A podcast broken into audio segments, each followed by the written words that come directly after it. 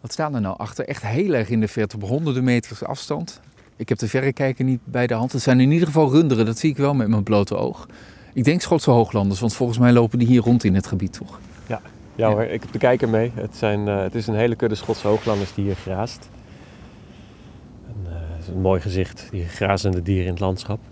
Ik zou er eigenlijk nog wel meer van willen zien. Het Delenwoud, ook bekend vanwege uh, het, het grote aantal wild, de wilde dieren die rondlopen, edelherten en zo zijn hier een aantal jaren uh, niet geschoten. Er werd niet bejaagd op deze plek. Volgens mij zijn ze daar inmiddels weer deels in ieder geval op teruggekomen.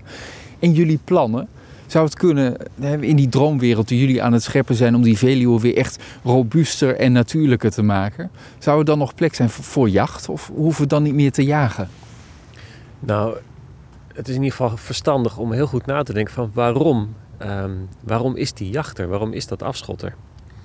En ik wil niet zeggen dat wij per se een, een wereld zonder jacht willen. Als, verkeersveiligheid is natuurlijk ook wel een reden om, om goed te kijken naar hoeveel dieren en op welke manier. Um, heb je die dieren in het landschap en hoe liggen die wegen daardoor heen? Dus ik wil niet zeggen dat de jacht ineens verdwenen uh, zal of moet zijn. Maar een van de argumenten om te jagen is natuurlijk dat, um, dat al die zwijnen en herten de bosverjonging um, belemmeren. Um, je kunt daar ook anders naar kijken.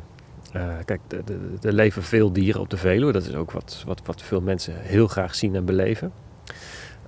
maar diezelfde dieren kunnen eigenlijk niet hun natuurlijke gedrag vertonen. Of wat ze heel graag zouden willen, is in de winter van die verrekte voedselarme Veluwe af op naar de uiterwaarden waar gewoon grazig gras um, te vinden is. En dan zouden ze die jonge loofboompjes die ze nu oppeuzelen, waardoor die nooit groot worden, daar zouden ze niet meer aan zitten. Ja, eigenlijk is gewoon het probleem dat, uh, dat, dat die bossen zich op de Veluwe uh, niet verjongen op het moment dat er, of slecht verjongen op het moment dat er heel veel dieren grazen.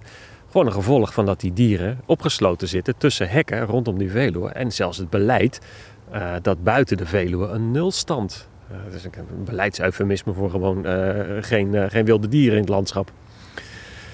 Ja, als, als we dat durven loslaten of, of, of, mogelijk maken dat er bijvoorbeeld van de Veluwe naar de IJssel verbindingen komen, of van de Veluwe naar de Nederrijn verbindingen komen, waardoor die dieren veel natuurlijker zich door het landschap kunnen verplaatsen en echt een seizoenstrek, zoals die van nature en van ouds er geweest is, zich zou kunnen herstellen, ja, dan zou je ook weer veel meer bosverjonging terug kunnen gaan zien. Betekent dat dan ook, want een van de problemen is ook de bodem inmiddels op de Veluwe. Dat heb je ook gezegd, hè? de wegspoelen van de mineralen enzovoort. Zou daardoor ook de bodem zich kunnen verbeteren? Ja, je hebt op, in de natuur en in, in een ecosysteem op allerlei manieren kringlopen van, van mineralen. En heel op de, de vierkante meter heb je uh, ook een uitwisseling tussen het bodemleven en, en, en wat daar bovenop gebeurt. Um, we hebben op de Veluwe helaas ook veel uh, plekken waar echt uh, heel eenvormig bomen van dezelfde soort, zelfs vaak uitheemse soort als Amerikaanse eik staan. We hebben wel die Amerikaanse boomsoort, maar niet de Amerikaanse uh, bodembeestjes die in staat zijn om die bladeren lekker snel ook te verteren. Dus je krijgt een soort afsluitende laag van blad tussen waar wij staan, alles boven de bodem en alles wat daaronder gebeurt. En dat raakt langzaam verstikt. En dat heeft consequenties voor, nou laat ik het simpel zeggen, voor de wormen die in de bodem leven.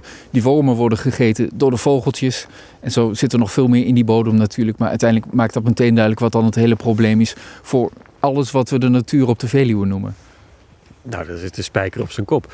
Het, het, eigenlijk gaat het overal over het herstel van kringlopen.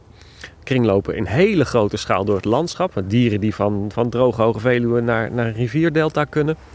Uh, tot op de vierkante meter het terugherstellen van een kringloop. Um, uh, zodat bodembiodiversiteit echt weer het fundament onder alles wat daarop groeit kan worden. Ja, ARK Natuurontwikkeling, waar jij van bent, samen met uh, andere organisaties zijn aan het kijken of eigenlijk een plan aan het maken om in ieder geval de Veluwe weer te verbeteren.